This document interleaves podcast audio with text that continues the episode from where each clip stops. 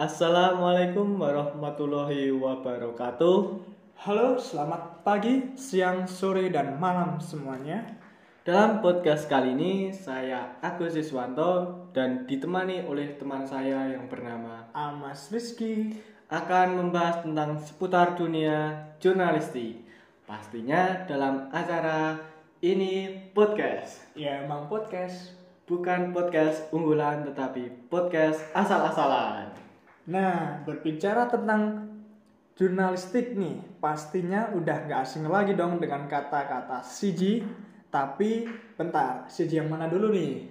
Pastinya bukan Cici yang suka ngasih misi dalam game GTA PlayStation 2. Atau nama band Indonesia yang dikenal sebagai Cowboy Junior. Tapi CG di sini yaitu Citizen Journalism. Nah, jadi apa sih citizen journalism itu?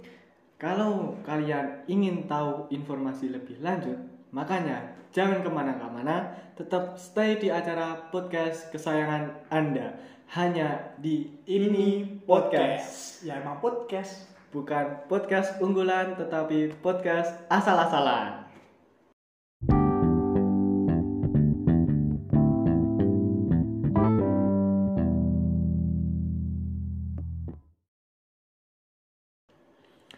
Berbicara tentang CG. Nah, Cici atau citizen journalism merupakan orang yang berasal dari warga biasa atau masyarakat biasa yang pastinya itu bukan dari seorang wartawan atau seorang jurnalistik yang terverifikasi atau yang profesional. Nah, mereka itu seperti melakukan kegiatan jurnalistik seperti pengumpulan, pelaporan, analisis, dan menyebarkan berita atau informasi dari suatu kejadian di wilayah tersebut. Kegiatan yang dilakukan jurnalisme warga ini sebenarnya sih sama dengan warga- wartawan pada umumnya, yaitu mengumpulkan informasi, mengedit, menyiarkan, atau kemudian mengupload. Namun yang membedakan nih, jurnalisme warga ini tidak terikat oleh kaidah dan kode etik jurnalistik, serta tidak menulis berita atas nama redaksi media baru atau lembaga pers. Nah, jadi posisi Cici atau citizen journalism ini di ranah media Indonesia itu harus bisa saling bau membau agar penyebarannya itu lebih luas dan masyarakat menjadi tahu dari kasus yang berada di berbagai wilayah khususnya di Indonesia. Nah, gitu. Eits, tapi tunggu dulu, Bung.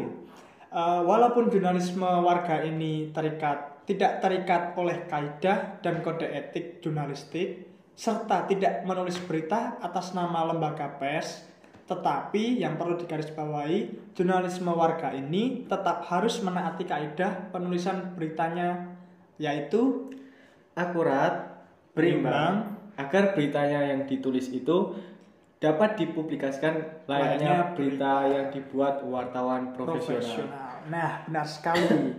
Dan jangan lupa nih Gus, kalau CJ ini atau citizen journalism juga mempunyai beberapa prinsip dasarnya. Yang salah satunya itu dikemukakan oleh tokoh Tokoh yang terkemuka terkemuka. mendukung CC yaitu Gilmore, Gilmore and J.D. Lasika. Terdapat lima prinsip dasar jurnalisme warga yaitu yang pertama, Akurasi yaitu atau ketepatan, yang kedua thoroughness atau kecermatan atau ketelitian, kemudian yang ketiga itu transparansi atau keterbukaan dalam peliputan berita, dan yang keempat fairness atau kejujuran serta yang kelima independence atau tidak berpihak dan tidak terikat oleh kelompok mana pun atau instansi mana pun. Nah, oke oke. Kalau kita berbicara tentang CG itu asal mulanya CG itu di ranah Indonesia itu seperti apa sih? Eh, keberadaan Siji di Indonesia atau adanya Siji di Indonesia itu eh, sejak adanya peristiwa tsunami di Aceh. Banyak warga atau masyarakat Aceh itu meliput Kejadian, kejadian tersebut. Oh. Sehingga terbukti bahwa Cici itu bisa dapat mengalahkan berita yang dibuat oleh jurnalis profesional. Wah. Dalam artian Cici itu bisa menjangkau berita lebih cepat Hmm. daripada jurnalis profesional gitu. Hmm, soalnya emang eh, ya keadaannya sih emang lebih cepat yang jurnalisme warga ini ya. Soalnya kan, soalnya kan- eh, situasinya lebih dekat Ya. dari situasi kejadian itu. belum tentu Hmm. t- yang tempat terjadi kasus itu belum tentu adanya jurnalis yang profesional gitu Iya, loh. betul betul. Maka dari itu diperlukanlah eh, jurnalisme warga ini. Ya, Nah, betul betul. sekali. Eh, soal ini Bung, kalau jurnalisme warga itu kan berarti tekniknya hanya merekam dengan ponsel, kemudian mempostingnya di media sosial. Nah, itu.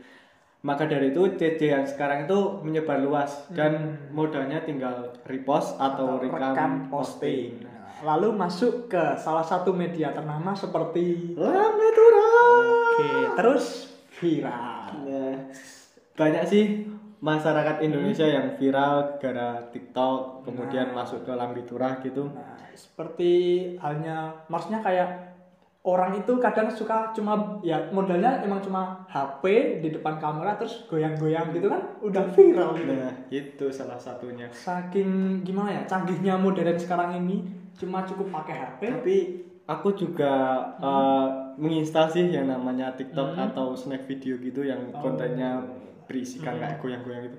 Karena ada kode referral. Berarti ada niat tersendiri nih. Nah, karena iya. ada cuan. Cuan, tapi eh, kenapa Hmm. di dalam TikTok itu Ah. banyak yang namanya konten joget-joget? Hmm. Karena itu adalah pemersatu bangsa. Ya, ibaratnya kalau zaman-zaman sekarang ini ya emang zamannya itu gitu loh. Makanya kayaknya ya simple tapi karena wanita-wanita yang cantik yang memerankan jadi luar biasa Ya, gitu loh. Jadi anugerah tersendiri gitu. Itu termasuk rezeki.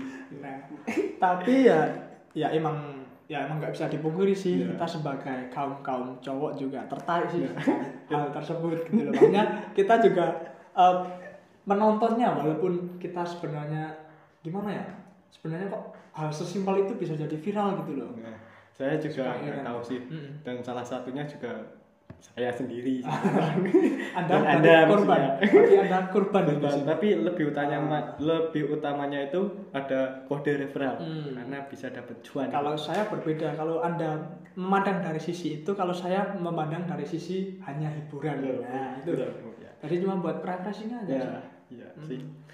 Terus di CC ini Hmm? ini memiliki kelebihan yang pertama itu cepat dan mudah diakses. Ya karena dengan warga yang tersebar di berbagai wilayah itu, eh, maka berita itu tuh cepat langsung diakses itu loh oleh warga-warga yang lain atau ibaratnya kalau kita memposting di suatu Instagram atau media sosial lainnya kan pengikutnya juga langsung tahu gitu loh kalau Iya. kita memposting video tersebut. Eh, contoh yang Hmm. baru-baru ini terjadi itu seperti seorang TNI Hmm. AL itu menemukan bocah yang kalau nggak salah itu berusia 14 tahun Hmm. di tengah-tengah laut. Eh, bocah itu tuh eh, katanya didorong oleh Hmm. teman dan ada yang menginformasikan bocah itu terjatuh dari kapal gitu loh. Wah, berarti eh, awalnya itu kok bisa bocah itu terjatuh itu karena katanya kalau di media sosial Iya. ada teman yang mendorong sehingga bocah tersebut jatuh dan eh, itu Terjatuh di tengah-tengah ah, laut di gitu. tengah laut. Nah, itu aku herannya Mm-mm. udah misalkan udah berjam-jam gitu loh. Mm, Nah, Nah, itu kenapa bocah itu kok nggak dimakan sama ikan gitu maksudnya? ya positif thinking aja mungkin ikannya lagi pada kenyang jadi ya buat apa memaksakan karena emang perutnya kenyang Bukan karena kenyang, apa tuh tapi karena emang nggak doyan. ya itu juga salah satunya Nah. nah tapi kalau ini nih selanjutnya yang kedua tuh ada kelebihannya nih bung yaitu memberi masyarakat untuk berpendapat Nah, atau atau freedom of speech. Hmm, Eh, masyarakat itu biasanya menyuarakan eh, bisa lewat media sosial atau internet. Nah, biasanya kayak Mhm. eh, penolak seperti kejadian kemarin penolakan RUU itu kan banyak masyarakat yang hmm, eh, mereka itu memposting atau menolak RU di media sosial. Sosial ya. Tetapi Hmm? pemerintah tidak menggaplak. Ya itulah kelemahannya di ranah hukum eh, Indonesia tuh sayangnya orang-orang yang ibaratnya tidak punya jabatan orang kecil itu ya nggak akan didengar gitu loh suaranya sama yang di atas Nah, gitu loh. itu. Kelemahannya Indonesia salah satunya itu. Terus yang ketiga ada self regulatory. Atau berita itu dilaporkan tidak terikat pada suatu peraturan seperti tidak adanya kode etik dan tidak mengandung eh, Keterikatan kepada lembaga Instansi atau lembaga. Nah, betul yang resmi Nah, ya. itu. Hmm. Kemudian eh, selain memiliki Ada kelebihan, CJ ini juga mempunyai kelemahan. yang pertama munculnya berita hoax. Nah, berita hoax ini biasanya masyarakat tertarik pada berita-berita yang emang dibumbu-bumbui gitu loh. Nah, atau ditambah-tambahi. Nah. Sebenarnya sih walaupun sebenarnya bukan begitu, tapi karena ada CG atau yang misalnya jurnalisme awam ini Hmm. mengada-ada berita tersebut, nggak tahu tujuannya sih walaupun entah itu hanya pansos atau, atau buat hanya sekedar Ah. konten gitu. nggak tahu tapi yang pasti kelemahannya kadang suka muncul seperti itu contohnya nih bu kayak berita transfer bola itu kan juga bisa diadakan Iya. karena katanya cuma rumor Iya. Ronaldo mau hengkang dari Juve- Juventus ke Indonesia. nah itu kan sangat tidak mungkin tapi ya ya gimana ya itu kan juga nggak boleh gitu loh Dan itu pun pasti. udah tahu hoax Nah. dan impossible. Masih saja Nah, disebarkan. masalah nah masalahnya warga 62 kita itu sangat percaya dengan isu-isu tersebut. Padahal itu belum pasti cuma pendapat seseorang gitu loh. Cuma pendapat Hmm. seseorang gitu loh. Dan eh, belum sesuai, belum sesuai kenyataannya. kenyataannya. Ah, itu loh.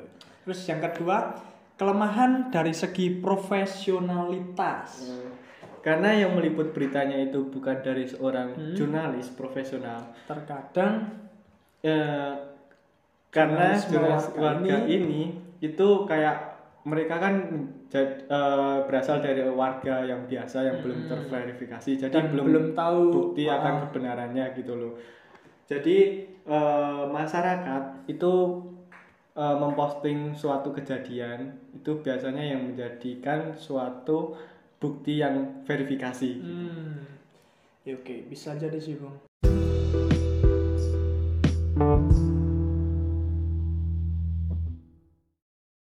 Setelah dari beberapa materi yang kita atau poin-poin yang kita jelaskan tadi, eh, kita sampai di tiga kriteria CJ. Nah, ada beberapa syarat yang harus dipenuhi agar berita itu dibuat oleh citizen journalism yang dan juga dapat dipublikasikan. Yang pertama itu ada seperti materi harus eksklusif, menarik dan nilai berita yang tinggi.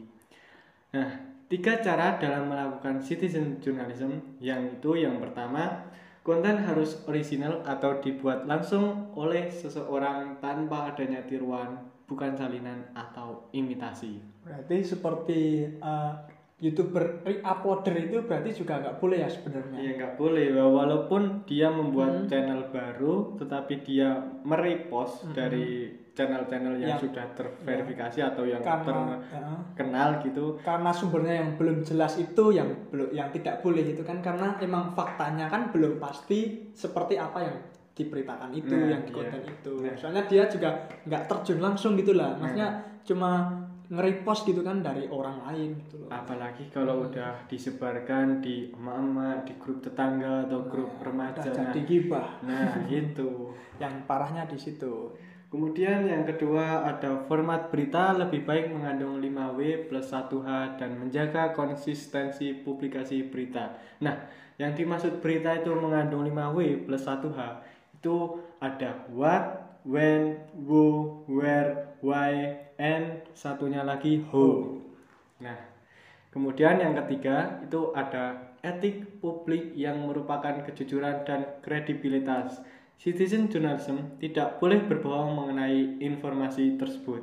Berarti apa yang diinformasikan oleh citizen journalism ini emang benar-benar harus sesuai dengan fakta, sesuai kejadian dan tidak boleh ditambah-tambahi apalagi sampai berita ini menjadi berita hoax. Ya, itu parahnya lagi kalau udah hoax, udah gimana lagi kalau banyak orang yang Hmm. percaya pada berita itu Udah gitu. disebarkan banyak orang yang eh, percaya, nah Iya. itu yang Nah, itu.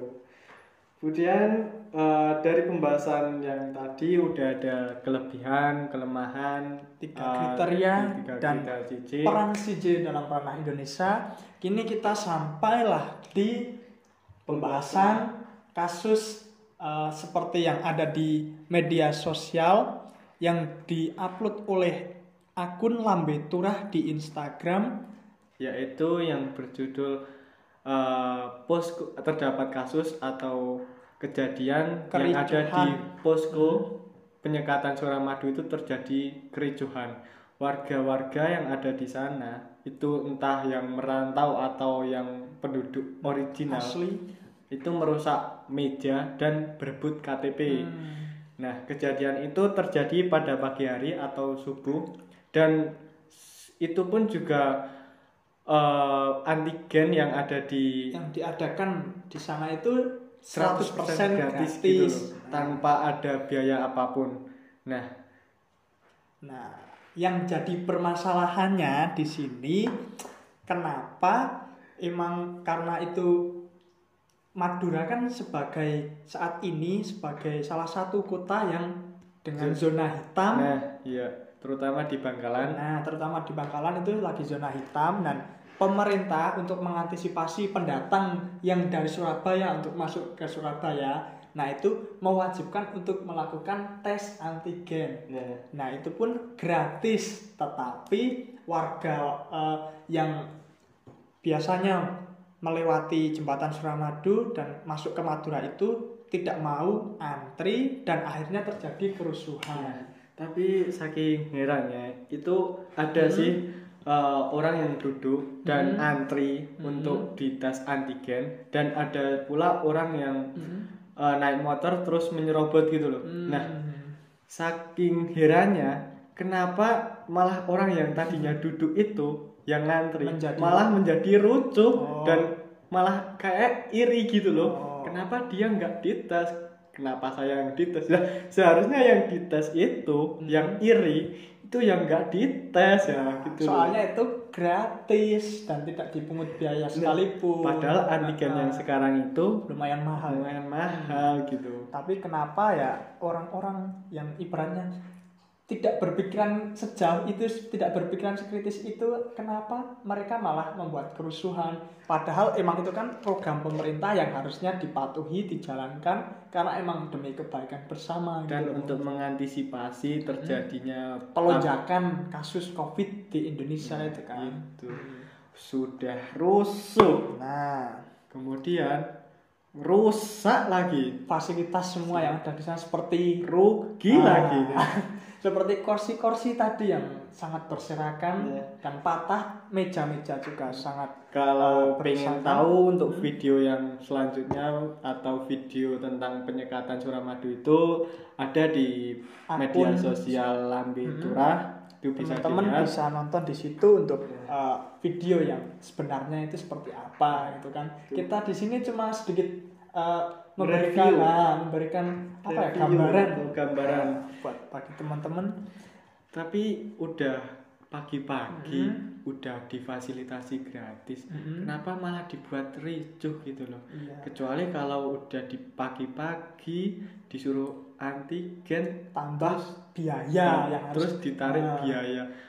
Itu Nah. emang bisa orang menjadi naik darah gitu Nah, loh kan itu. hari pagi-pagi masih ngantuk eh, berangkat kerja harus berangkat kerja malah ditarik uang 500 pukul aja udah Nah, tapi kan itu kan sini- wajar gitu ah, loh. wajar gitu loh tapi kan di sini ya emang 100% gratis Nah. kenapa harus harus rusuh Nah. gitu loh makanya kan udah ada fasilitas kita tinggal duduk nunggu hasil tes tapi berhasil rusuh itu gimana Nah, itu itu. pemikirannya Takutnya Hmm. itu takutnya tuh cuma nanti kalau misal terjadi kericuhan itu jembatan Suramadu itu ntar dibom atau dinuklir nah ya misal takutnya gitu loh Nah itu gimana tuh uh, dari masyarakat warga Madura khususnya kalau jembatan Suramadu itu dibom kan ya nggak ada jembatan Harus- lagi nah. ya itu gimana? ya saking gigihnya warga Madura itu mungkin dia merenang bisa berenang ber- itu sebagai apa ya?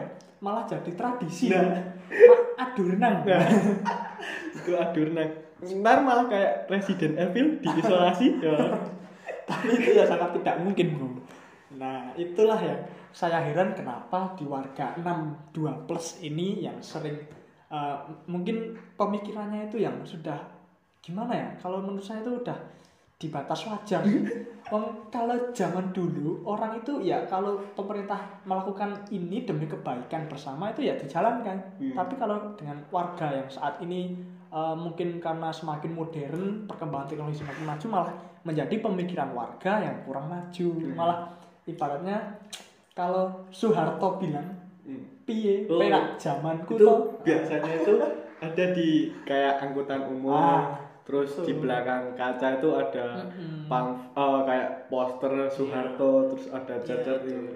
Itu. Eh piye? Enak zamanku toh Nah, itu kan berarti menandakan kalau orang-orang terdahulu itu ya emang mudah diatur karena dari pemerintahnya sendiri juga sebenarnya sih sudah memperhatikan namun cuma warganya sendiri kalau zaman sekarang yang kurang memperhatikan gitu loh. itu ya kurang lebih seperti itu podcast pada Kalau sebentar Bung, kalau pesan dan kesannya nih untuk citizen citizen journalism yang ada di Indonesia untuk ke depannya nih gimana? eh, kalau dari saya sendiri ya Hmm. ya semoga untuk citizen journalism itu ya wajar ada dan juga eh, harus ada Karena perannya yang karena penting. perannya itu yang begitu penting serta eh, dapat menjangkau yang ber- misal kayak di wilayah yang pelosok atau Hmm. apa itu masih bisa Menjangkau gitu. menjangkau gitu loh dan warga atau masyarakat yang dari berbagai wilayah itu bisa tahu karena ada rekaman tersebut ada kasus Nah, tersebut betul. ya gitu loh Dan yang perlu digarisbawahi ini citizen journalism itu emang perannya sangat baik, sangat malah ibaratnya sangat ya vital lah kalau ibaratnya kalau di zaman modern ini yang semakin berkembang kan kita mudah hanya menggunakan merekam HP Hmm. terus mengupload video tersebut menjadi viral dan warga-warga menjadi tahu. Nah makanya dari situ kita perlu menggarisbawahi bahwa berita yang disampaikan oleh citizen journalism itu harus terbukti kebenarannya dan berdasarkan fakta, tidak hoak dan tidak ditambah-tambahi. ah iya itu itu sih catatannya harus ibaratnya jangan demi karena konten, demi, Atau demi pansos, cuan nah, atau pansos Nah, gitu itu kita nggak boleh dong meng- harus mengesampingkan sisi egoisnya kita Iya. yaitu dengan sesuai apa adanya Iya. gitu, memberitakan berita tersebut. Nah, kurang lebih podcast pada hari ini atau podcast ini Kita eh, Akhiri saja. akhiri atau kita pamit jika ada kesalahan mohon maaf ya ini sekedar podcast yang hiburan ya dia mengenai informasi tentang Cici ya kalau bermanfaat ya alhamdulillah kalau enggak ya udah gitu ya udah sampai jumpa di lain waktu Bung Agus, Ya. saya Anas Rizky pamit. dan saya Agus Siswanto undur diri Wassalamualaikum warahmatullahi wabarakatuh. terima kasih telah menonton ini podcast Ya emang podcast. bukan podcast unggulan tetapi podcast asal-asalan